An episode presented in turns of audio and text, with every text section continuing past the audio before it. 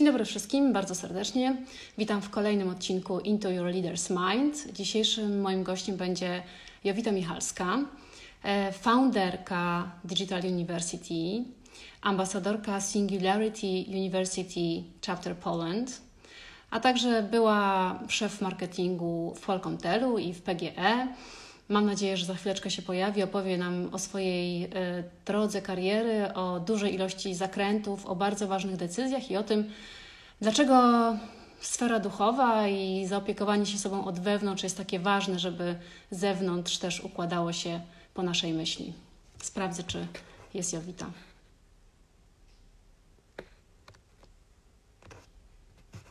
Nie ma Jowity jeszcze. Mam nadzieję, że zaraz się pojawi.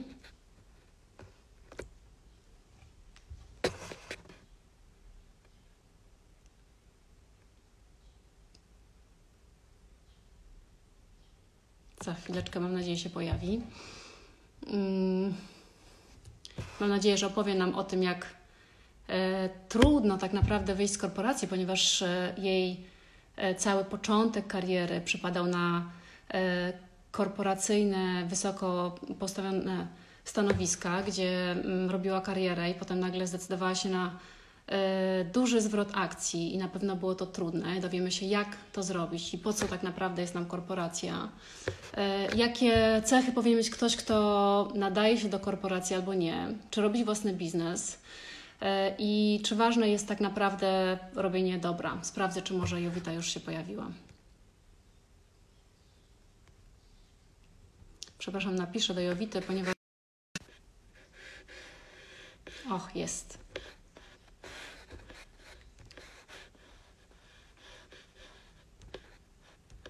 Już sekunda.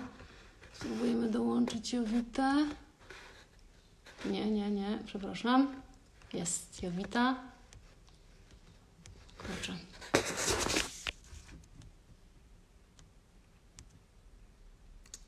Nie wiem dlaczego nie mogę dodać Jowity. Nie można dołączyć. Jowita, jeżeli nie słyszysz, czy ty polubiłaś e, nasz profil, ponieważ ja mam informację, że nie można ciebie dołączyć. Nie wiem dlaczego. Może wyjdź jeszcze raz i wejdź. Bardzo przepraszam za e, te niespodzianki. Hmm. Bardzo przepraszam. Słyszę i polubiłam. Jowita, a wyjdź proszę jeszcze raz i spróbuj wejść, ponieważ ja mam informację, że nie możesz dołączyć. Musimy się teraz powolutku rozgrzać. Zobaczymy, czy uda się. Jeszcze raz zobaczę. Niestety wszelkiego rodzaju e, techniczne aspekty zawsze sprawiają nam niespodzianki i tak naprawdę wtedy o, uwaga, jest.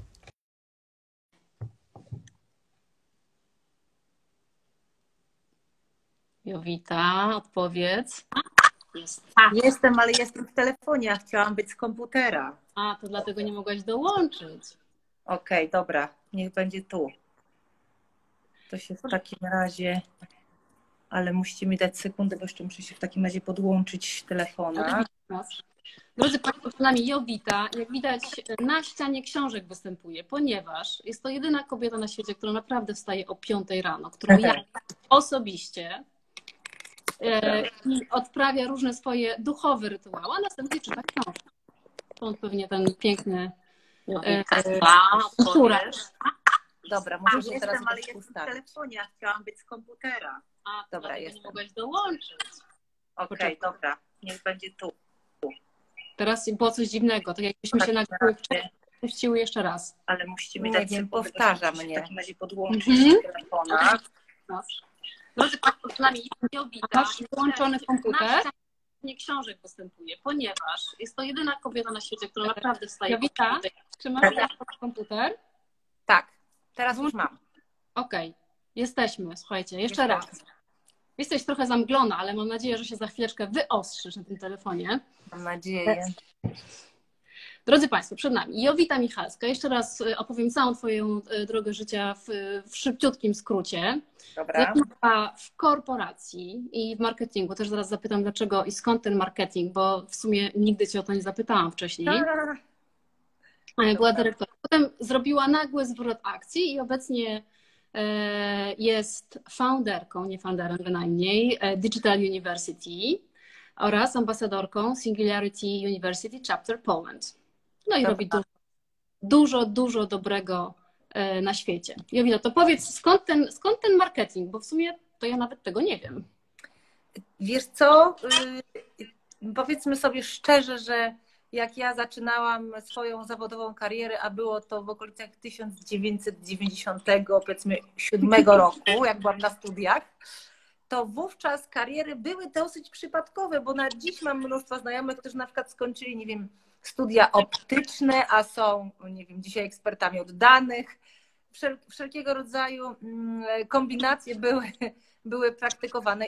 Znaczy, mi się reklama podobała mhm. od początku. W czasach, kiedy ja byłam e, na, na studiach, to reklama zaczynała w Polsce raczkować. To były, wchodziły tu międzynarodowe organizacje, dawały bardzo dużo ciekawego doświadczenia. Przy okazji latało się po całym świecie, kręciło się reklamy i naprawdę to był najlepszy możliwy zawód wówczas.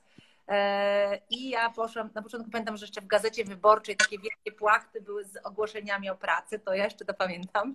I sobie przeglądałam, wysłałam chyba 300 CV, będąc tam na trzecim roku studiów na SGH-u i w końcu tam po 200 ktoś chciał e, człowieka bez doświadczenia e, i pierwszą moją taką pracą była, taką poważniejszą, to była J. Walter Thompson, agencja reklamowa, gdzie uwielbiałam naprawdę nawet ołówek z logo, e, gdzie miałam e, e, brytyjskiego szefa, no i weszłam w ten taki wielki, cudowny, niesamowity świat. Pamiętam, że pierwszą rzeczą, którą robiłam, to kręciliśmy reklamę Mydełka Lux z Edytą Górniak, taką sławną, jak tam helikopter za balkonem się pojawiał i dużo takich rzeczy. No i wsiąkam w ten świat, najpierw po stronie reklamy na ponad 10 lat po stronie agencji. To było fajne. Tam było takie work-life integration, teraz modne słowo, czyli żyło się i pracowało w tej, w tej pracy 24 godziny na dobę. Mm, I, i, I potem po, nie wiem, czy pamiętacie jeszcze taką markę Heja, to, to ja tak, pracowałam przy, przy jej stworzeniu E, I to był, e, to był ogromny sukces. To był w ogóle jeden z większych sukcesów w Europie tego typu, bo to była marka, która zdobyła milion klientów w 8 tygodni. To my się zakwalifikowaliśmy jako pierwszy polski case Blue Ocean. E, I to był naprawdę do taki Blue Ocean Strategy, to było naprawdę coś. Dostaliśmy nawet lwa w Cannes wtedy i to było dla mnie też taką platformą do pójścia dalej i wtedy przeszłam na stronę tak zwanego klienta, czyli w, e, a poszukiwałam jakiegoś ciekawego wyzwania, a akurat wtedy e, Plus był w takim trudnym momencie, bo mieli bardzo kiepski wizerunek i się słabo w tej firmie działo od strony marketingowej. To była spółka Skarbu Państwa, więc za tamtych czasów bardzo mało merytoryczni byli ludzie od marketingu. No i ja e, tam poszłam do pracy i zaczęliśmy pracować wtedy z kabaretem Mumio. I to była wielka przygoda, taka ośmioletnia fajna i urocza, ale też udawało się eksperymentować z wieloma rzeczami, naprawdę mnóstwem.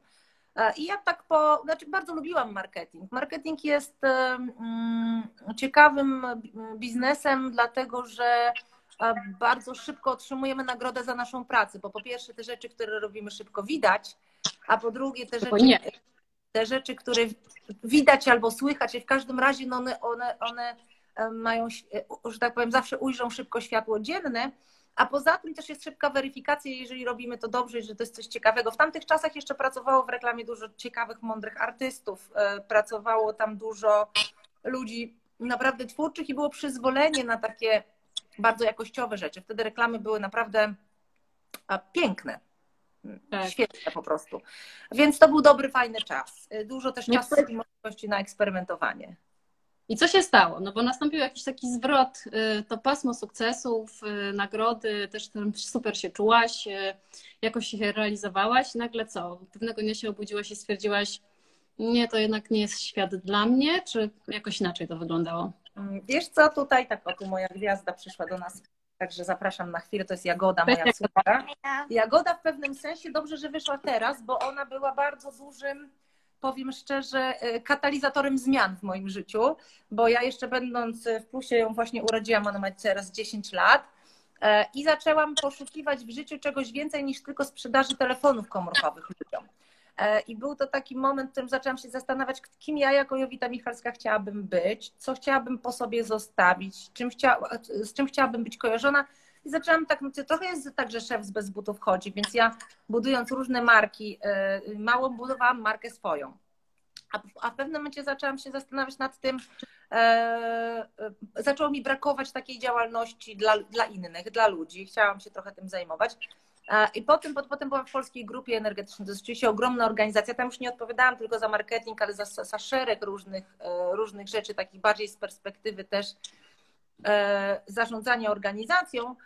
I po tym doświadczeniu pomyślałam sobie, że chcę wrócić do czegoś naprawdę bardzo małego, ale jednocześnie takiego namacalnie z ludźmi przy ludziach. E, I, e, i, decy- i najpierw w ogóle chciałam zrobić sobie rok przerwy. Wtedy się to tak sexy jak teraz sabbatical nie nazywało, tylko była to po prostu sobie przerwa. I na początku myślałam o tym, żeby zrobić przerwę e, taką dla siebie, bo po prostu ciągle wpadałam z jednej pracy w drugą. Ten młyn był taki duży, jakby chciałam też poznać bardziej siebie, powiedzmy sobie szczerze i moje potrzeby. Chciałam sobie po, porobić rok. Myślałam o tym, że nauczę się nowych technologii, bo ten temat związany z technologiami był bardzo interesujący. Jagoda, to nie jest o tobie spotkanie, proszę cię bardzo. E, ten temat był bardzo interesujący, związany z nowymi technologiami, ale dużo tych rzeczy było też które mnie ciągnęły takie właśnie dobrosprawcze. I e, moja koleżanka Magda Dziewguć, e, zresztą bardzo mądra osoba, mówi w pewnym momencie do mnie, słuchaj, ja też sobie chcę zrobić rok przerwy, to może zrobimy tak, że zamiast ty gdzieś tam jechać do Stanów na, na jakieś, e, bo ja myślałam o tym, żeby pojechać sobie powiedzmy rok posiedzieć na Stanfordzie czy na którejś tam uczelni, ona mówi, chodź, zaczniemy ściągać po prostu dobrych ekspertów do Polski. Pewnie jest jeszcze więcej osób oprócz ciebie i mnie, które chcą się czegoś nauczyć. Ona akurat właśnie wróciła z Harvardu, z takiego programu e, e, GMP, bardzo takiego, że tak powiem, jakościowo wspaniałego. Była zafascynowana, mówi, tego typu edukacji nie ma w Polsce. No i stworzyłyśmy wtedy fundację. Pierwszy rok działalności e, to po, po, pozwolił nam ściągnąć naprawdę już wybitnych ekspertów, bo było dwóch profesorów z Harvardu, przeleciało na nasze zaproszenie, partnerem naszym było SGH. I na SGH robiliśmy taki trochę powrót do szkoły, i, i, i, i po prostu to było kompletnie otwarte i za darmo. Zrobiliśmy chyba, nie wiem, z 8 tysięcy ludzi przyszło przez pierwsze dwa lata na różne nasze warsztaty. Jeżeli się nie zatrzymasz, to za chwilę ja nie zadam żadnego pytania, a ty odpowiesz na wszystkie potencjalne pytania, które miał być. Wiem, musisz mi przerywać, Ania.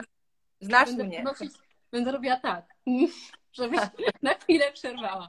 Dobra. Dobra, ale ja, wiesz co, sorry, ale jeszcze wrócę do tego katalizatora w postaci jagody, bo mnie to ciekawi, bo myślę, że czy, czy myślisz, wiesz, jakby jest dużo kobiet w tym biznesie i trochę kobiet się boi właśnie, że to urodzenie dziecka zmienia, przewartościowuje, że one już nie będą takie sprawcze, silne, mocne, ale ty mówisz, że u ciebie to się zadziało, czy to było tylko wewnętrzne, takie, że ty poczułaś, że nie wiem, trzeba robić ważniejsze rzeczy, czy jednak na przykład na zewnątrz też było tak, że trochę ten rynek się kończył, biznes się kończył, czułeś, że gdzieś tam to już jest taka, wiesz, taka końcówka tych złotych lat y, reklamy i marketingu. Czy to było jakieś tak razem, czy to było tylko absolutnie wewnętrzna potrzeba, że skończyło się, już chcę robić coś innego? E, wiesz co, nie, znaczy na pewno nie był to koniec złotych lat reklamy i marketingu, bo myślę, że marketing i reklamy się bardzo brzmiały. Wtedy miały takie transition do, do, do digitalu trochę bardziej, więc też dużo ciekawych rzeczy się działo te budżety wciąż były i, e, i, i nie, to była moja potrzeba taka wewnętrzna przewartościowania. Ja urodziłam Jagodę w wieku 35 lat, więc byłam już taką dosyć dojrzałą osobą. Chciałam dziecka i chciałam. E, e, I to, to nie było też tak To nie jest tak, że, że tak zawsze mówię, jak ktoś mnie o to pyta, to nie jest tak, że ja miałam gotowy plan day one, bo to tak nigdy nie jest. Jeśli ktoś tak powie, to nie wierzę. E, to są wszystko takie ups and downs, próby, e, powroty, weryfikacje, myślenie. I u mnie było tak, że jak się Jagoda urodziła, to ja jeszcze wróciłam do Polkomtela wtedy, do Plusa i tam e, czułam, że nie, że nie jest mi też fajnie pogodzić te, mm, było mi i mm. trudno być mamą, i trudno być w tej korporacji. Już przestały mnie też kręcić takie rzeczy, które mnie wcześniej kręciły. E, mm, potem jakby z powrotem wróciłam, potem jak przeniosłam się do PGE, to też mi się bardzo podobało, tam był szereg nowych wyzwań i mogłam sobie trochę po swojemu tą pracę poukładać, ale z drugiej strony zaczęło mi brakować tych rzeczy. Znaczy, ja też bardzo się od tamtej pory rozwinęłam i myślę, że to było bardziej, znaczy zdecydowanie było to bardziej związane z moim pędem do zmian, które się zaczęło od tego, że zaczęłam być mamą i zaczęłam widzieć w innych rzeczach wartość, ale y, to były rzeczy, które się klarowały i przez świat zewnętrzny, wewnętrzny. To też jest u mnie bardzo śmieszne, bo dzisiaj ja, ja przykład no, mam bardzo klarowną swoją ścieżkę i mocno sama o niej decyduję. Nie ma zbyt dużo przypadku. E, ale w tamtych jeszcze czasach, bo mówi się, że na przykład y, jakby marzeniem każdego człowieka jest realizacja hobby, że jeżeli realizujesz swoje hobby, to jesteś w stanie się z tym spełnić, a tam 95% z nas nie ma tak naprawdę takiego wielkiego jednego hobby i próbuje coś tam wycisnąć z tej cytryny na siłę. U mnie było na przykład bardzo zabawnie, bo to było hobby wcale nie moje, bo technologie nie były dla mnie jakoś tak e, znacząco interesujące, było hobby mojej koleżanki, która po prostu gdzieś mi tam zaproponowała e, bycie w tym. I ja się potem rozkochałam dopiero w tej tematyce. Co śmieszne, ona wróciła do korporacji, a ja zostałam. E, w tym, w, tym, w tym temacie, w tym biznesie. I też, e, I też na początku, jakby mi dzisiaj ktoś, e, jakby mi ktoś powiedział 7 lat temu, że będę tutaj, gdzie jestem dzisiaj, gdzie jest i spółka, i fundacja, i robimy ogromne ogólnopolskie pro, projekty, mamy szereg różnych programów, to, to bym była, no oczywiście popatrzyła na tą osobę jak na, jak na wariatę, że będziemy reprezentować w Polsce najważniejszą technologiczną markę amerykańską, i to tak naprawdę ja y, tą licencję mam. Trudno było wyjść z tej korporacji, z bezpieczeństwa, stałej płacy i tak dalej. Jak się, jak się przygotować? Powiedz, no bo jest sporo ludzi takich, którzy gdzieś tam, nie, to są dwa pytania. Jedno jest takie, czy uważasz, że nadal warto wejść w ten świat korporacyjny dzisiaj i zdobyć to doświadczenie i co ci to da ewentualnie, a co ci zepsuje, bo też myślę, że korporacje mogą psuć dużo rzeczy. Co byś powiedziała takim 25-latkom?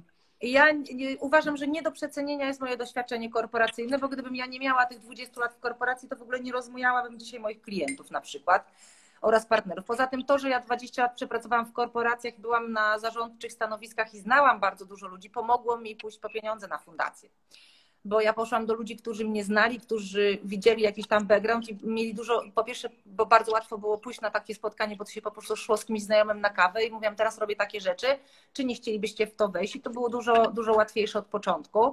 E, uważam, ja, ja mm, no, zajmuję się w pewnym sensie taką działką y, doradczą w tych tematach technologicznych i edukacyjną i często nie cenię osób, które nie mają y, różnorakich doświadczeń, że tak powiem, z niejednego pieca chleb Dlatego, że uważam, że jeżeli ktoś całe życie był konsultantem i mówi mi, że się zna na przykład na przywództwie, a nigdy w życiu nie zarządzał nikim oprócz może, nie wiem, siebie i jakiegoś social media managera, którego ma na jedną dziesiątą etatu, to ja nie wierzę, że on e, potrafi coś powiedzieć na, e, o przywództwie, bo ja uważam, że na wszystkim trzeba się po prostu walnąć w twarz w praktyce, żeby móc doradzać. Okej, okay. a to na co uważać w korporacjach? Czy to jest coś takiego, że są jakieś takie sfery, które mogą cię popsuć w jakiś sposób, albo jakoś tak, wiesz, wyszkolić, uformatować w taki sposób, że potem trudno się odformatować?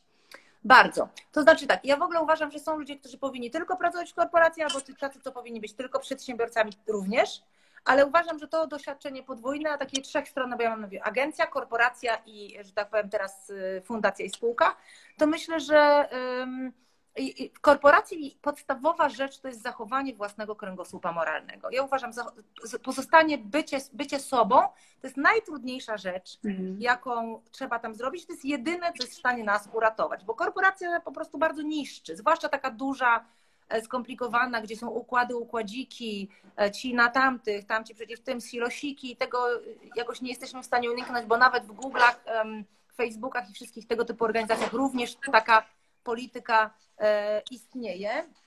I, i, i powiem Wam, że po prostu bycie sobą zawsze się sprawdza. Ja mam taką historię, którą opowiadam, krótko ją opowiem, która miałam dwoje, dwoje zastępców w pewnym momencie E, dwie osoby właśnie w plusie i trudnego bardzo szefa, który lubił sobie na przykład o godzinie 17 czy 18 nasz prezes zadzwonić powiedzieć zapraszam cię do gabinetu. Zwłaszcza, że czasami był w nie najlepszym e, na przykład nastroju i, e, i chciał też to kogoś tam sobie powiedzmy posztur, posztorcować i jedna z tych osób na przykład dostawała telefon o godzinie 17 E, dzwoni e, asystentka, prezes cię woła. I jedna z tych osób mówiła, dobrze już zawracam, mimo że jestem pod domem 15 kilometrów, zawracam, zaraz będę. No i przyjeżdżała i załapywała się zazwyczaj na jakieś takie przepytywanie, bądź nie do końca coś miłego, nie do końca też merytory, merytorycznego. Druga sytuacja e, analogiczna, druga osoba e, mówiła, dobrze, rozumiem, ale jestem już pod domem. Czy rzeczywiście jest to coś tak naprawdę pilnego, że muszę w tej chwili wracać? E, tę całą drogę, czy możemy na przykład jutro mogę być przed dziewiątą, czy trochę wcześniej, żeby tutaj się z prezesem spotkać. I najczęściej odpowiedź była, no nie, no to może być jutro. I jutro ta osoba, i ta druga osoba była wyżej ceniona przez tego szefa niż ta pierwsza. Co pokazuje, że jakby jest możliwość, my się po prostu boimy, ale jest możliwość zachowania siebie w obrębie prac korporacyjnych i zachowania kręgosłupa moralnego. Najgorsze, co możemy zrobić, to oddawać siebie po kawałeczku bo wówczas nadchodzi moment, kiedy no, słabo rozpoznajemy się już w lustrze, a niby nic takiego się nie stało. Ogólnie jesteśmy wciąż w porządku, nie? Czyli zachowanie takiej godności trochę, prawda? I takie posiadanie swojego... Ale, ale wartości. Wartości. Mhm. Wartości, tak. godności i bycia, bycia człowiekiem do, do wszystkich. To oczywiście otwarcie, bo korporacja musi być taką kombinacją z jednej strony mm, działania z serca, z którego ja jestem zwolenniczką dzisiaj ogromną. Po prostu mówić do ludzi z serca, ale też uczciwości takiej, że stawiamy swoje granice, bo rozmawianie z kimś z serca nie znaczy, że wszystko oddajemy na talerzu, jesteśmy przez wszystkich wykorzystywani. Tak, Więc...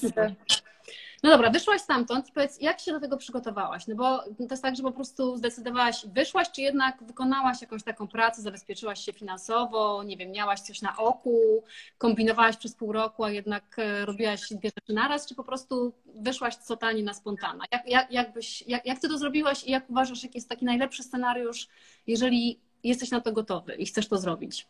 Mm, to oczywiście zależy od tego, w jakim jesteśmy wieku i warunkach y, domowych. Ja mając dziecko i, i, dom na kredyt, raczej się nie decydowałam e, na spontaniczne ruchy w tym obszarze. I uważam, że to nie do końca jest dobre, dlatego że też mamy inne samopoczucie. Ja się sporo przygotowałam, sporo, sporo przygotowywałam. Finansowo oczywiście, mm, i to jest też taka e, porada e, moja, do, do moich też mentisek wszystkich ją zawsze mam, żeby się nie, mm, żeby nie wierzyć w to, że, po trzech, że mam trzy miesiące wypowiedzenia i przez trzy miesiące dostanę pensję, a w czwartym miesiącu zacznę płynnie zarabiać na swoim albo w innym biznesie tyle, ile zarabiałam wcześniej. Nie znam osoby, której by się to udało, ani jednej. A naprawdę ja, jeśli chodzi o znajomość, to naprawdę znam bardzo dużo ludzi. E, trzeba się przygotować na rok, dwa. Tak naprawdę większość biznesów, to była moja rozmowa z Maćkiem Filipkowskim, na której sobie zdaliśmy sprawę, że większość biznesów zaczyna naprawdę być takich dużych, rozbuchanych po 10 latach. E, a po pierwszych dwóch latach rzeczywiście wiemy, jakich już błędów nie popełniać i to zaczyna mieć ręce i nogi. Często jesteśmy po piwocie i robiliśmy, zrobimy, robimy już trzecią wersję tego, tak? E, więc po pierwsze, znaczy podstawą jest przygotowanie finansowe, ale też takiego właśnie, takiej siły swojej i determinacji. Bo jeśli chcemy tak trochę, znam mnóstwo ludzi, którzy po 25 latach w korporacji, kiedy nie mają ani networku, ani pracowali zazwyczaj w jednej korporacji, nie robią nic innego zupełnie. I Jowita nam zniknęła na chwilę. Jesteś. Tak. Ale już jestem. E, chcą być coachami. Po prostu marzą o tym, żeby natychmiast zostać coachem i to się prawie nigdy nie udaje. E, bo po pierwsze właśnie trzeba, trzeba mieć duży, e, znaczy też duże rozeznanie tego, co się dzieje na rynku, jeśli chcemy coś robić. Warto wykorzystać czas, kiedy jeszcze gdzieś pracujemy, na research i przygotowania, tak? kiedy ta pensja co miesiąc kapie, ale na pewno się trzeba przygotować na rok, dwa lata życia z, z oszczędności. Ja się przygotowałam i to również nie dało mi pełnej gwarancji. Teraz ja pytanie. No. Bo ja mam takie obserwacje, że ludzie, którzy wychodzą z korporacji, mają takie właśnie, znaczy trzy drogi w zasadzie. Albo od razu zakładają własny biznes i już nie wracają do tej korporacji. Drugi jest taki, że właśnie mają potrzebę bycia mentorem, coachem, trenerem i dzielenia się tą wiedzą, ale nadal wydaje mi się, że to jest bardzo y, jednak zbudowane na tym ego, które zbudowała ta korporacja wcześniej, czyli jakby jest taka tak. potrzeba, ekspresja tego ego, żeby nadal mnie podziwiali, szanowali i tak dalej. No i trzecia droga, którą ty wybrałaś, pytanie, czy przypadkiem, czy zupełnie świadomie, czyli taka droga czynienia dobra. Powiedz, jak to się stało, że, że nagle wtargnęłaś po prostu w to, żeby pomagać innym i de facto nie zarabiając na tym na początku, prawda? Mhm. Wiesz co, mnie interesował kompletnie, interesowała mnie po pierwsze kompletnie nowa ścieżka, po drugie no takie to sławne make world a better place dla mnie było dosyć istotne. Jagusia, proszę Cię, nie pukaj niczym, bo my to wszystkie słyszymy. I dla mnie to było ważne, żeby robić coś dobrego dla innych, takiego naprawdę dobrego. I, ale też świat NGO mnie interesował. Ja jeszcze w międzyczasie pojechałam do Stanów na te dwa miesiące na, na projekt taki dla kobiet, liderek z krajów rozwijających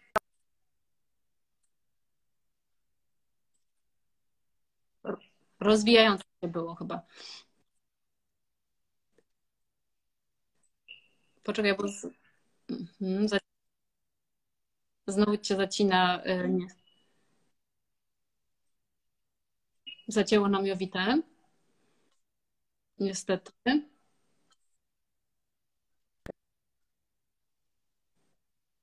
Nie ma.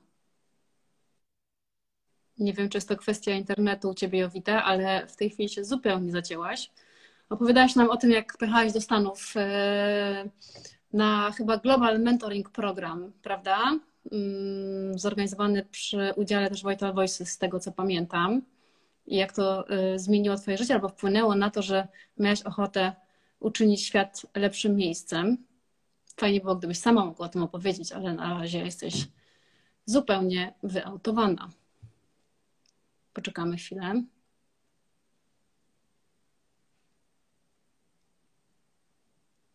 Niestety eter nie znosi ci.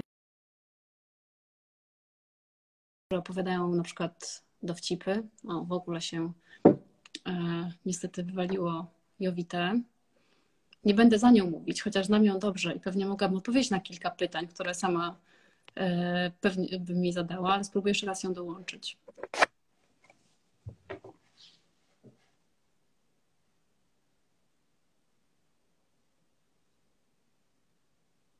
Jowita. Oczekujemy na Jowitę. Jest mi przykro z powodu tych technicznych. Jestem. Kobieta od technologii. I zobacz, co się dzieje.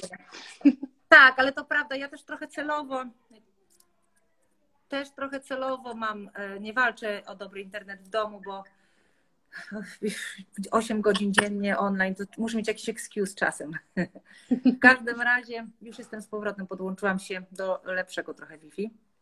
Opowiadałaś, jak wyjechałaś do Stanów i to wpłynęło na, twoje, e, na, na Twoją potrzebę poprawiania świata.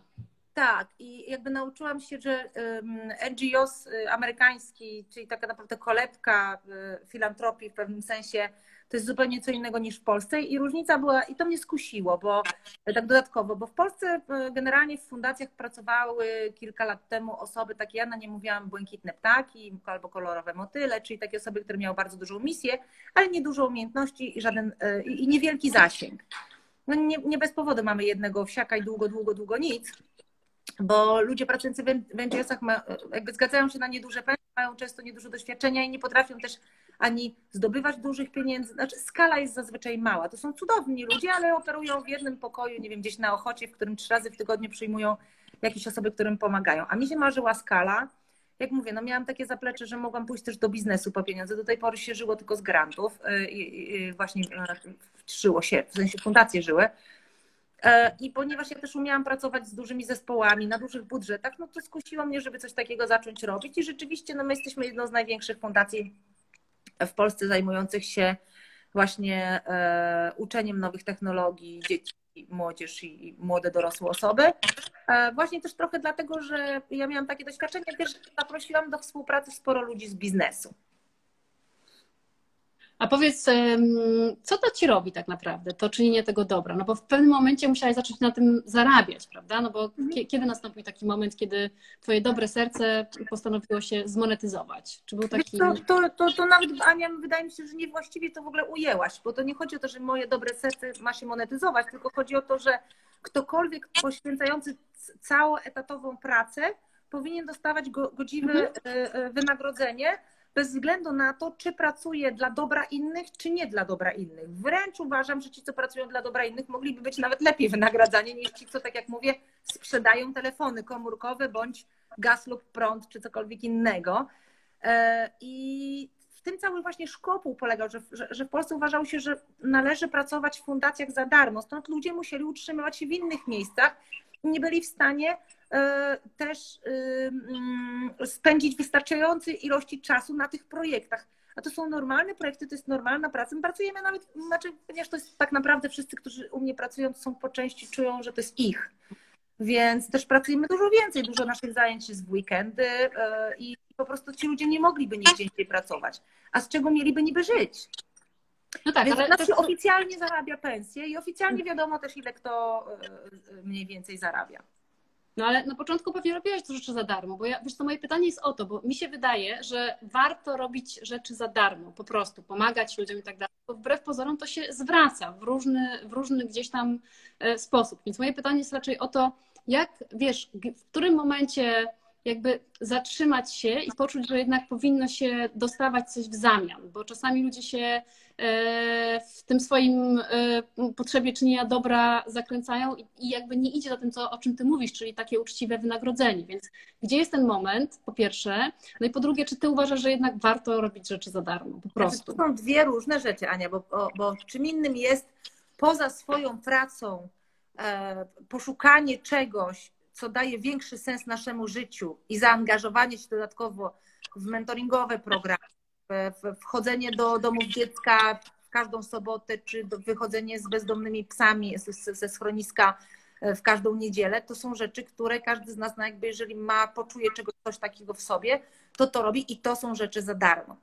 E, przestrzegam przed robieniem wszystkiego za darmo, bo, bo w pewnym momencie trzeba się też zastanowić, czy to rzeczywiście jest filantropia, co ja robię za darmo ja w pewnym momencie zaczęłam bardzo mocno, ja jestem typowym jesmenem, czyli na każdą rzecz, którą ktoś do mnie przychodził, mówiłam zawsze tak, to jest ekstra pomysł. E, tylko pytanie jest e, też, jak e, jestem starsza, tym lepiej lokuję swój czas, który jest jedynym dobrem, który jest w ograniczeniu, albo nie mogę go zdobyć więcej. I, i, I dla mnie jest wartościowe, na przykład dla, na tej kanwie powstał program Uniwersytet Sukcesu dla dziewczyn z domów dziecka dorosłych i, i środowiskowych, bo ja od lat byłam mentorką, ale zaczęłam powoli się przyglądać. Ja dużo pracuję z, z tym, co robię, z tym, co ja robię i z tym, gdzie poświęcam swój czas i się temu ciągle przyglądam i to ciągle weryfikuję, żeby ten czas był jak najbardziej jakościowy, jak najlepiej dany. I zadam sobie pytanie, czy ja robię tutaj, mam właśnie te programy mentoringowe, w którym byłam zaangażowana, no to było często z dziewczynami, e, zresztą bardzo fajnymi, z którymi się do dziś przyjaźnię, ale którymi bez, które beze mnie również miałyby bardzo dobre życie. I ja zadam sobie pytanie, czy jest ktoś taki, czy są takie środowiska, w których beze mnie, bez tej godziny e, dwa razy w miesiącu ze mną, ten ktoś będzie miał gorsze życie. I wyszedł z tego projektu Uniwersytet Sukcesu dla dziewczyn z domów dziecka, dorosłych kobiet, które mają czasami jedno, dwoje dzieci z dwoma partnerami, bo te osoby bardzo potrzebują miłości i są mocno wykorzystywane, e, które no, bez takiego mojego podania ręki nie będą prawdopodobnie miały szansy być w lepszym, fajniejszym świecie. Więc polecam zastanowić się, czy ja w ogóle jestem zwolenniczką, żeby, jak naj, żeby nie dawać za darmo nic, co nie jest filantropią, ja dostaję notorycznie zapytania, czy gdzieś za darmo wystąpię, czy dam, dla korporacji dam wykład za darmo i że sobie wtedy zrobię network. W ogóle nie można w to wierzyć. Ja zawsze mówię, ja mam fundację i dzieci z domów dziecka, które są moimi podopiecznymi. Nie stać na to, żeby zrobić wam wykład za darmo, moi drodzy korporanci. I pytanie, czy wasze usługi bankowe też są czasami za darmo i czy można to wynegocjować.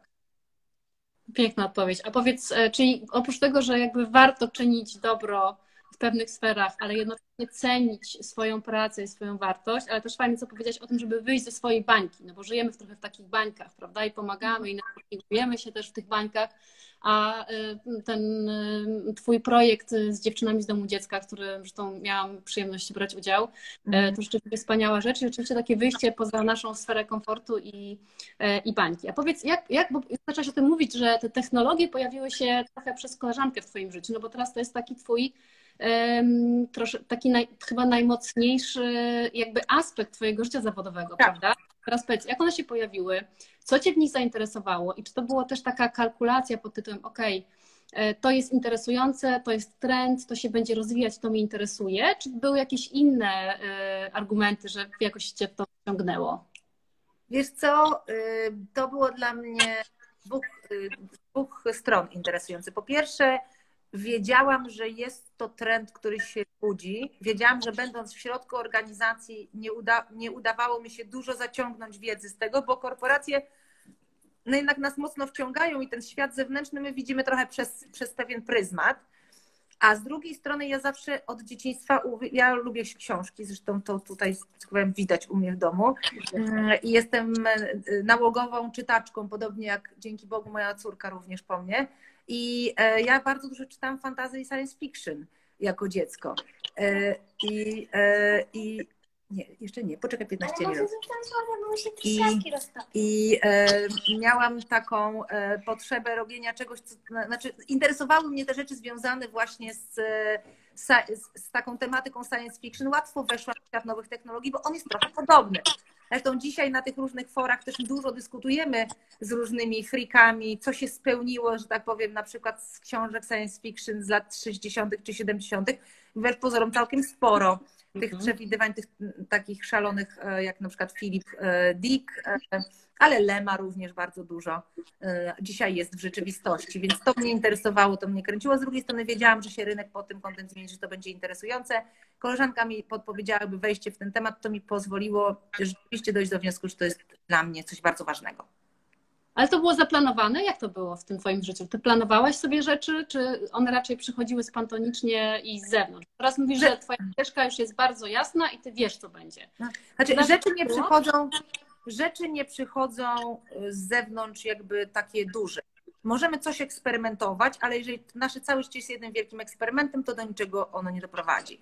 To jest tak, że mi kiedyś mój jeden e, e, e, dobry, stary mentor powiedział tak, Jowita, jak będziesz się spotykała ze wszystkimi, bo ja tak właśnie robiłam, i y, jakby spełniała prośby i jakby mm, propozycje współpracy wszystkich, to będziesz całe życie spędzała na sprawach, na rozwiązywaniu spraw innych, a nigdy swoich. I to też sobie wzięłam bardzo do serca i myślę, że jak się ma plan, to dopiero wtedy przychodzą z zewnątrz właściwe rzeczy. Jeśli się nie ma planu, jeśli się fruwa y, z wiatrem od jednego do drugiego, nigdy właściwe rzeczy do nas nie przyjdą, a nawet jeśli, to ich nie zauważymy. Więc jakby to są dwie rzeczy. Być otwartym na to, co przychodzi, ale mieć własny plan. Plan można naweryfikować, ale trzeba z nim żyć, być. Ja mam te swoje metody, bardzo lubię e, pracować z, z kartką, na której sobie ciągle piszę e, coś do, rok do przodu, albo pół roku do przodu, albo weryfikować jakiś plan. Dużo robię takich, takich na sobie procesów, powiedzmy. Opowiedz o tym swoim narzędziu takim e, cudownym na robienie planów wstecz, bo on jest tak. E, moim zdaniem bardzo, bardzo, bardzo skuteczny i też go przywiozłaś ze Stanów chyba, prawda? Tak, tak, tak. E, przywiozłam ze Stanów bardzo fajne narzędzie, które zresztą stosowane jest przez wiele bardzo, bardzo mądrych. Ja poznałam nieprawdopodobne osoby, takie mm, już abstrahując od tego, że nie wiem, e, byłam na imprezie z Jamesem Cordenem, gdzie wypiliśmy butelkę wina, poznałam e, Jacka Dorseya, szefa e, Twittera, właściciela i, i Square'a i wiele takich tego typu osób naprawdę kosmicznych. No to miałam dużo mentorek, takich bardzo mądrych osobowości telewizyjne, amerykańskie, ale także Geraldine Leiben, która na przykład właśnie stworzyła Nickelodeon z Ofrą Winfrey telewizję i, była, jest w ogóle jedną z takich najważniejszych mentorek amerykańskich i Mm, między innymi taką e, kobietę, e, pierwszą czarnoskórą dyrektor NBA i kobietę. Czarnoskórą kobietę, która została dyrektor NBA. To jest praktycznie niewykonalne. E, ona od piątego roku życia to było jej największe marzenie. I ona sobie, i ona mi też o tym opowiedziała, że planuje taki, że zakłada sobie zeszyt. Ja w ogóle strasznie lubię zeszyty i bardzo lubię pisać ręcznie i to jest też, to szalenie polecam, bo to inaczej mózg pracuje, bez względu na to, jak jesteśmy technologiczni.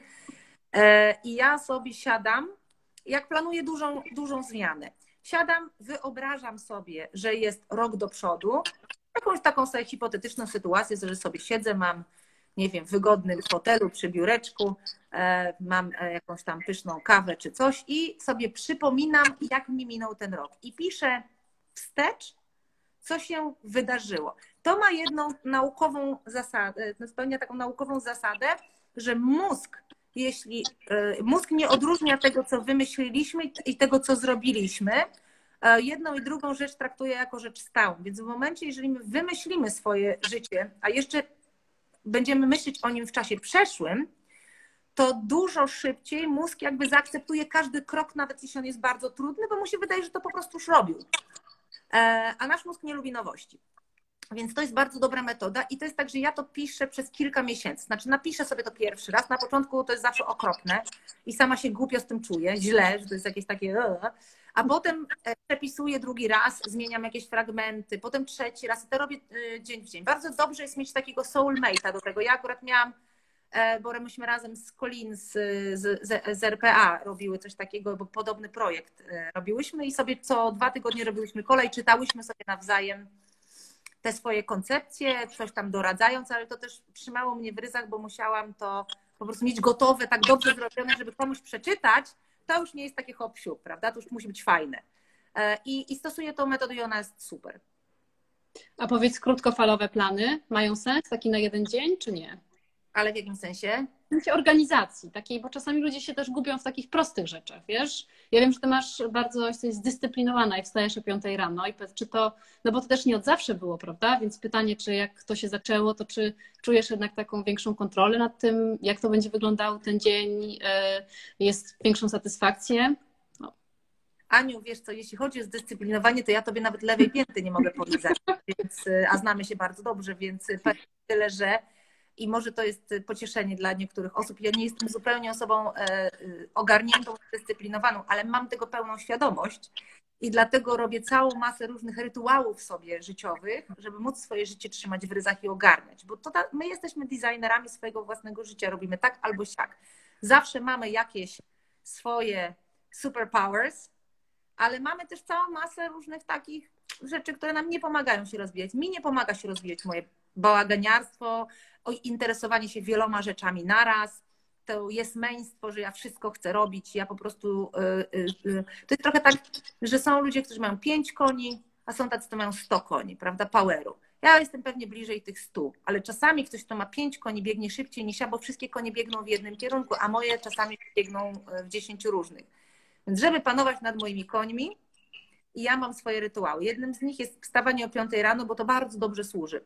Na długowieczność, bardzo dobrze służy na, dobro, na ciekawą pracę koncepcyjną. Ja dużo teraz piszę, dużo przygotowuję rzeczy. Mam swoje digitoxy, do których też Was bardzo serdecznie zapraszam, bo, bo to jest chyba dosyć ciekawa wiedza technologiczna dla początkujących, a ja staram się w jakimś takiej do, duchu storytellingu opowiadać trochę ciekawych historii i ośmielać, więc na moim kanale, też na Instagramowym, ale na Facebookowym, e, i na, na, Instagramowym też mam, mam te digitoxy, można oglądać też zaległe. W środę o 12, z tego co środę pamiętam? O 12. W środę o 12, ale można obejrzeć też wstecz te, które są nagrane. Teraz był na przykład o tym, czy drony nas obserwują i do kogo należą, e, jak Bardzo idziemy ulicą. E, więc e, ja, żeby to wszystko ogarnąć, żeby dwa razy w tygodniu zaplanować, raz w tygodniu z kimś rozmowę, drugi raz w tygodniu mówienie czegoś w miarę mądrego przez 30 minut, całą masę rzeczy, których mam biznesowych, pracę z moim zespołem, w fundacji, w spółce, no to ja, e, bycie mamą i robienie też czegoś dla siebie, a ja ćwiczę jogę, kundalini i trochę medytuję, a na pewno lubię śpiewać mantry, to żeby te wszystkie rzeczy ogarnąć, no to po prostu muszę ogarnąć siebie. I moim, moją metodą jest wstawanie o 5, o 22.15 jestem już bez bazy. To prawda, wiem. A powiedz, e, powiedz bo zaczęłaś mówić o, o, super talentach. Na pewno Twoim super talentem jest networking i masz do tego absolutnie organiczną, naturalną zdolność. Bo i to jest ważne, prawda? To jest ważne w dzisiejszych czasach tworzenie społeczności. A czy powiedz, jak to zrobić? Bo pewnie trochę jest tak, że ty to masz naturalnie, więc trochę nie wiesz, jak to się dzieje, ale myślę, że masz to przemyślane i możesz pomóc y, tym, którzy, nie wiem, jadą na konferencję, nikogo nie znają. Co hmm. robić? Wiesz co, to, to śmieszne pytanie. Mój jedyny taki hint, który jest zresztą tragiczny, który ja sama zastosowałam, ja pamiętam na pierwszym roku studiów e, poszłam e, na e, pierwszy wykład na SGH na encyklopedię prawa, gdzie było tam 600 osób, wyszłam, mówię tak, Jezus, nikogo nie znam, podeszłam do pierwszego z brzegu gościa, zapytam, czy ma papierosa i paliłam od tamtej pory, a on się stał moim najlepszym kolegą, że tak powiem, przez całe lata studiów. Nie polecam tego rozwiązania networkingującego, zresztą dzisiaj ono jest demode. Tak, tak. E, natomiast e, nie wiem, jak zaczepić, znaczy, jak zaczepić kogoś na konferencji, natomiast wiem, jak po prostu budować network tak z poziomu strategicznego i na pewno warto e, po prostu wkładać siebie w różne środowiska. I to polecam z wielu powodów. Po pierwsze z networkowego, a po drugie ze względu na to, że kreuje to bardzo wszechstronny mindset, co jest bardzo ważne dziś. Czyli nie zamykajmy się w środowisku, gdzie sobie wszyscy przyklaskujemy, jest taka ta zasada pięciu osób, którymi się otaczamy, które dużo o nas mówią. I jeśli się otaczamy pięcioma osobami, które myślą to samo co my, tak samo jak my i są z tego samego, z tej samej branży albo z tego samego świata, to nas zupełnie nie rozwija. Nie, nie rekomenduję też teraz zerwać wszystkich przyjaźni, które mamy i zmienić zupełnie, ale czasami warto zaprosić do swojego bliższego środowiska jakąś osobę, która jest z zupełnie innego świata i zrobić sobie, ja na przykład tym takim dorosłym paniom jak ja, e, starszym polecam e, reverse mentoring, czyli polecam spotkać się z kimś, niekoniecznie opowiadać, jakie jesteśmy niesamowite, mamy wspaniałe życie, ale czasami posłuchać, bo, bo ci ludzie potrafią mieć czasami lepsze na coś pomysły. E, I spotykam przyjaciół, którzy spędzają 20 lat w jednej organizacji, mają tylko tam network. I to jest, to jest niezdrowe i też szkodliwe dla naszej kariery, bo w momencie, a, a znam już takich case'ów bardzo dużo, po 10 czy 15 latach korporacja postanowi się z jakichś przyczyn z nami pożegnać, to my nawet nie mamy jak zdobyć kolejnej pracy i nikt nas nie zna nikt o nas nie wie. Nawet jeśli chcemy robić swoje rzeczy, to nie mamy kogoś, kto by od nas to kupił albo nas w czymś wsparł. Więc wszechstronny network to jest tak zwana higiena i zdrowie psychiczne. Mhm. Ja jeszcze dodam, że mi się też wydaje, że wiesz co, takie pielęgnowanie relacji też polega na tym, żebyś ty była ciekawa dla innych, bo e, że to nie jest tylko oczekiwanie, że ktoś tobie pomoże, ty od kogoś coś weźmiesz, e, tak. Zainspirujesz, tylko że jakby tak naprawdę trochę dbanie o to, żebyś ty była inspirująca, i Jowita jest naprawdę inspirującą e, absolutnie osobą, więc myślę, że ten krąg znajomych e, też, też dlatego dookoła e, tak tkwi i jest, jest ci wierny. A powiedz Jowita, jak, jak, jak jest, jak, co ty uważasz o leadershipie takim nowoczesnym? No bo jesteś, jakby wyszłaś z korporacji, teraz zbudowałaś swój, swoją własną spółkę, fundację. Jakim jesteś szefem? Jakim byłaś szefem? Mm, myślę, że trzeba mieć do tego bardzo dużo pokory jak e, na piłce nożnej, e, marketingu i tego, jak leczyć koronawirusa, zna się każdy człowiek na świecie i na leadershipie też. E, domorosłymi przywódcami, liderami jesteśmy wszyscy. Ja zalecam dużo pokory w tym obszarze. Na przestrzeni lat, jak ja jestem związana z biznesem, było dużo różnych modeli przywództwa w modzie. Ja najbardziej w sumie lubię aktualny, czyli oparty na e, takim, e, na mm, empatii, na słuchaniu, rozumieniu, na, na budowaniu mm, takiego dobrego środowiska pracy dla ludzi, ale jednocześnie właśnie w próbie wciągania ich w to, żeby czuli się też częścią tej organizacji, taką, takimi ludźmi, którzy chcą mieć na to wpływ. Jak ja re, e, ludzi od wielu, wielu lat. Mi się nie, nie zdarzyło, żeby ktoś nie wymienił jako jedną z głównych, e, z głównych rzeczy, które go mogą przyciągnąć i zatrzymać w pracy, jest to, że mogę mieć wpływ. Więc dawajmy ludziom wpływ e, i nie, nie bądźmy najmniejsi. Polski, polski przykład przywódcy jest niestety beznadziejny, bo to jest taki zakompleksiony, full ego męski typ, który po prostu zarządza przez chaos, e, sianie nienawiści e, i takie prawda, challenge'owanie wszystkich i, i, powodowanie, żeby ich bolała głowa, głowa i żeby się czuli tacy malutcy i, i że, że znowu nie dowieźli, on się wtedy dobrze czuje. Nie działa. Więc na dłuższą, na krótką metę oczywiście pewnie tak, e, a poza tym ja, ja sprawdziłam swoje różne modele przywództwa na kilku typach organizacji. Zupełnie inaczej zarządza się małym, kreatywnym środowiskiem, Mhm. Zupełnie inaczej zarządza się 60 osobami w korporacji. Zupełnie inaczej zarządza się, jak raportuje do ciebie 15 osób, ale w sumie podlega ci 1000, a zupełnie inaczej zarządza się swoją własną organizacją, z której się żyje i z której się zastawiło swoje własne wszystkie pieniądze. To są różne szkoły przywództwa. Ja absolutnie polecam zresztą jedną, jeśli ktoś ma przeczytać jedną książkę na ten temat, Polecam książkę, Boże, zaraz sobie przypomnę, jak ona się nazywa po polsku. E, nazywa się po angielsku Radical Candor, taka hmm. pomarańczowa książka. Jakoś wrzucę Wam linka potem tutaj. E, I to jest książka napisana przez laskę, która była jedną z pierwszych szefowych w Google, e, razem z Sheryl Sandberg. Sheryl Sandberg była jej pierwszą szefową, a ona była, zarządzała całym takim wielkim zespołem a potem przez 10 lat w Apple'u zarządzała Apple University, czy tam Apple Academy, nie pamiętam jak to się nazywało, e, ucząc kultury e, tej organizacji i ucząc właśnie zarządzania. I, I, w tej chwili prowadzi e, swoją firmę, która się właśnie nazywa Radical Candor. Polega to na tym, że, że należy być z pracownikami radykalnie szczerym, i oczekiwać radykalnego feedbacku od ludzi. Czyli prosić, bo my też się łapiemy w pułapkę, że chcemy usłyszeć coś dobrego o sobie. I na przykład mamy, zrobiliśmy, nie wiem, będziemy miały, prawda, mamy tego sobie naszego dzisiaj tutaj kola, to spotkanie, no i oczekujemy, że, że ludzie do nas będą mówić, pisać Jowita, Ania, świetnie, wspaniale, no, no, no jestem zachwycona. I na pewno dużo takich osób będzie, tylko my się, i super, jakby marzymy o tym pewnie, tylko z tego się akurat nic nie nauczymy. A jeżeli będziemy pogłębiać tę prośbę feedback, powiedzieć, słuchaj, powiedz mi trzy rzeczy, które Ci się podobały, ale powiedz mi trzy rzeczy, które ja mogłabym jednak poprawić. To się okaże, że jak się następnym razem spotkamy za rok, zrobimy to lepiej. I o to chodzi. Tak. To też jest fajny patent, żeby nie mówić, że to jest twoja porażka albo co się nie udało, tylko co mogę poprawić, bo to od razu tak. zakłada jakiś progres i to, że możesz coś zrobić. A powiedz mi, bo jak przyjmujesz ludzi, to wiem, że twoje ulubione pytanie e, rekrutacyjne jest e, pytaniem o hobby i o pasję. A jakie są tak naprawdę według ciebie, no bo siedzisz w tym i na pewno to śledzisz, takie kompetencje przyszłości, czyli masz 25 lat, musisz w coś zainwestować teraz swój czas i energię, to co by to było, gdybyś to była ty? E, tak, kompetencje przyszłości. No, na pewno e, są dwa rodzaje kompetencji przyszłości. To są te społeczne i te technologiczne. I trzeba równo iść w obie, nie ma tak, że któreś są ważniejsze. Technologiczne to jest tak naprawdę absolutny obowiązek rozumienia, o czym są nowe technologie, ale z takim bardziej konkretnym podejściem, czyli co to jest big data, prawda? Rozkminijmy, wejdźmy głębiej w temat, co to jest sztuczna inteligencja, gdzie ona się przydaje w biznesie, czy są może jakieś testy, które pokazują, jak ta sztuczna inteligencja rzeczywiście wyszła, weszła do biznesu, co to jest e, internet rzeczy, dlaczego te drony. Tak jak mówię, no polecam, tam moja, jak ktoś łyknie całą tą serię Digitoxów, które do tej pory zrobiłam, to jest dosyć, to jest dobry pierwszy elementarz i od tego trzeba sobie iść dalej w konkretne rzeczy, ale już się człowiek wtedy nie boi, bo podstawowe rzeczy rozumie.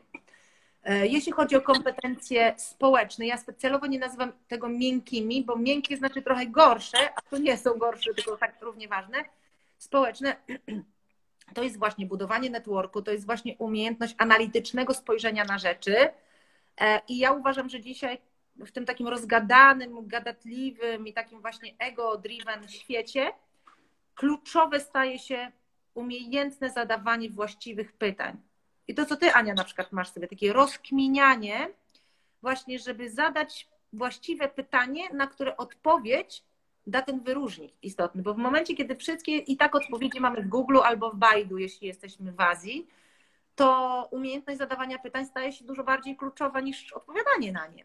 E, ale też takie podejście właśnie analityczne, szukanie troszeczkę dziury w całym, grzebanie, czy ja mogę coś jeszcze poprawić, właśnie tego typu podejście, podejście networkowe, podejście społeczne, że ja, to czego na przykład uważam, że powinno się już uczyć jak najczęściej dzieci w szkołach, mm, że niekoniecznie te osoby, które ja bardzo lubię i się świetnie z nimi czuję, to są te, z którymi muszę pracować. Nie, muszę też pracować z ludźmi, którzy mają kompletnie odmienne podejście, muszę pracować z ludźmi, za których być może nie do końca przepadam, być może nie wiem dlaczego, ale mają coś wartościowego właśnie w wiedzy, w swoich kompetencjach. Więc takie podejście kolaboracyjne, powiedzmy, e, twórcze, kreatywność, to jest coś, co naprawdę czego nie mamy. To jest taki oczywiście frazes, bo im więcej my o tym gadamy, tym te rzeczy stają się takie, okej, okay, wiemy to. Tylko po prostu zacznijmy to naprawdę robić i zacznijmy się zastanawiać, jak mogę być bardziej kreatywną osobą, bo takie brainstorming sessions, jakie mamy tam w piątki często w różnych firmach, gdzie i tak te same osoby mówią i tak to samo, to nie jest kreatywność ani innowacyjność. Tak? To jest wykraczanie poza ten swój standardowy świat, ciągłe poszukiwanie poza nim, interesowanie się wieloma rzeczami. Czyli co robienie? Bo to mnie zainteresowało. Jeżeli chcę poćwiczyć swoją kreatywność, to co mam zrobić oprócz pisania lewą ręką? Zastanawiać się, e, czy są takie obszary e, w świecie, gdzie nie masz żadnego doświadczenia, nigdy w życiu o nich nie słyszałaś i zajrzeć sobie tam. Raz na jakiś czas, jakie ćwiczenie. Spotkać się z kimś, z kim nigdy w życiu się, to jesteś ze świata mody na przykład, tak, no szeroko pojętego. Więc y, powiedzmy kogoś z, na przykład kogoś zupełnie przykładowo z energetyki i umówić się z takim kimś albo kogoś z takiego startupu stricte technologicznego, albo kogoś, kto się zajmuje, nie wiem, HR-ami albo taką hard celową, hard sprzedażą albo czymś, no, kogokolwiek, w tym przypadku może być sporo, i pogadać sobie z nim, posłuchać też, co taka osoba do powiedzenia. E, też czytanie rzeczy, generalnie wychodzenie z tej swojej bańki e, świata, który idzie po sznurku i jest zawsze taki sam. Mhm. Czyli takie ćwiczenia kreatywności na poziomie nawet inspiracji bardziej niż realnego kreowania czegoś, prawda? Bo wtedy mózg tak. działa tak, że i tak de facto linkuje pewne rzeczy i tworzy nową jakość w naszej głowie. I cały czas uczenie się zmiany. Cały czas uczenie się zmiany. Czyli adaptacyjność jako też taka kompetencja przyszłości, prawda? Która jest Ci potrzebna i elastyczność, żebyś mógł się dostosować do warunków. A powiedz mi, bo mamy już mało czasu, jeszcze takie mhm. pytanie. A czy Ty uważasz, że e, w ogóle uczenie przez doświadczenie ma sens? Przede wszystkim. Myślę, że przede wszystkim, wiesz co, no, trzeba się zgodzić na takie te mikroeksperymenty różne, prawda? Czyli, że trzeba w obrębie świata, w którym się jest, po prostu być odważnym. No bo przywództwo, bo tu też zataczamy krąg, bo to dotyczy wszystkich tych rzeczy, przywództwo też jest związane z odwagą. Ja wczoraj akurat na świeżo miałam spotkanie, mieliśmy spotkanie z Singularity University z profesorem e, jak on, on, się nazywa Carlizer, teraz sobie przypomnę, e, który jest jednym z najwybitniejszych ekspertów od przywództwa. Jest to profesor z IMD Business School, który, się, który uczył, uczy przywództwa na podstawie ponad setki przypadków odbicia zakładników, których był doradcą. Mhm. E, I tych wszystkich zakładników z tych wszystkich e, jakby spraw udało się odbić bez żadnego bez żadnego, że tak powiem, roz, rozlewu krwi. Sam, sam również pięciokrotnie był zakładnikiem i z tego ją uczy właśnie przywództwa i, i mówi, że jakby w tym przywództwie mm, kluczowe jest, żeby właśnie e, czekaj, bo teraz zgubiłam ten wątek, za szeroko poszłam. To są te wszystkie konie, które teraz galopują w twojej Dokładnie. głowie, różne kierunki. Tego nie wolno robić, tak. Trzeba, wiesz, czasami się o jeden koń za daleko. tak, ale e, bo nie, poczekaj, przed, jakie ty pytania zadałaś mi, powiedz mi, to zaraz sobie przypomnę o czym Myślę, że ja pamiętam. E, ja cię zapytałam e, o to... Kreatywność, o kreatywność. Tak, kreatywność. kreatywność. Może ktoś nam podpowie. A, spoza, że trzeba spoza swojego świata. Tak.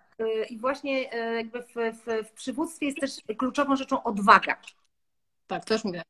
Tak, dlatego że w momencie, kiedy my odważnie eksperymentujemy, nie, i to trzeba też, też to rozkminić, bo to nie chodzi o to, żebyśmy my narażali cały model biznesowy i wszystko, co w życiu osiągnęliśmy, tak jak robi Elon Musk, że po prostu wielokrotnie był bliski bankructwa. To nie jest ten typ, bo to się pewnie udaje raz na milion, ale takie malutkie eksperymenty, czyli za każdym razem podważanie pewnych drobnych aspektów tego, co na co dzień robimy i to można, e, że tak powiem, ćwiczyć na sobie w biznesie, ale też można absolutnie w życiu prywatnym. Po prostu tak... próbowanie. Być może, tak... jeżeli całe życie mam na ścianie e, e, obrazy z kwiatami, może na dwa dni, mimo że mnie trzącha przed tym, powieszę sobie obrazy, nie wiem, z abstrakcją i zobaczę, czym by mi się to ewentualnie nie spodobało. Czyli taka odwaga Kaizen trochę, małymi kroczkami tak. do celu. Tak. A powiedz jeszcze ostatnie pytanko, takie króciutkie, bo mówiłaś o tym work-life integration. Czym to się różni od work-life balance? I to nie jest trudniejsze wbrew pozorom? No inne. Trudniejsze to pytanie dla kogo? Są osoby, które lubią mówić, że wszystko jest trudne, co się y, nowego robi. A wiesz co, work-life balance to jest oddzielenie świata zawodowego od prywatnego, od hobby, tak naprawdę pocięcie tego życia. I ono się teraz mało sprawdza ze względu na to, że wszystko jest blended, no bo mamy telefon przy tyłku cały czas i cały czas nas ściga praca i tak dalej. Więc jedynym takim wyjściem sensownym jest zrobienie takiego work-life integration. Czyli trochę to, co ja zrobiłam, że jak sobie dzisiaj tu gadamy, to moja córka siedzi obok i wie, co robimy, może sobie zadać pytanie, ją często zabieram na takie rzeczy, a jednocześnie przez to ona się uczy trochę życia, bardziej wie, co ja robię, możemy sobie potem o tym pogadać. E, i tak dalej. Jak wyjeżdżam gdzieś za granicę na konferencję, często ją ze sobą biorę, wtedy dzień mam ja na konferencji, wieczór spędzamy sobie razem i eksplorujemy świat na przykład. To są przykłady work-life integration, tak? Oczywiście fajnie jest work, e, robić work-life integration, jeżeli praca dla nas jest też rzeczywiście hobby i lubimy to, co robimy. I teraz podczas pandemii, to takie może ostatnie zdanie, jest naprawdę dobry moment, żeby sobie zrobić pewną weryfikację, bo i tak się wszystko wywala, i tak się wszystko wywala. Więc czasami jak myśleliśmy, ojej, nie lubię tej roboty, ale robiłam to przez 15, a to już nie chcę robić teraz czegoś zupełnie nowego, to może warto pomyśleć sobie, a może to jest właśnie ten dobry moment, żeby wreszcie zacząć robić coś fajniejszego albo lepszego dla świata. Drodzy Państwo, Jowita Michalska, która tutaj e, zarządziła e, dużą zmianę i nie trzymanie się kurczowo tego, co było do tej pory, tylko dlatego, że było i było dobrze, bo w zasadzie nie wiadomo, co będzie, trzeba się przygotować na zmianę. Mhm. Dziękuję Ci, Jowita. Zapraszamy serdecznie na co środowe tak? O godzinie 12 super mini wykłady Jowity z dziedziny technologii, bardzo, bardzo, bardzo różne rzeczy o edukacji, o dronach, o nowych sposobach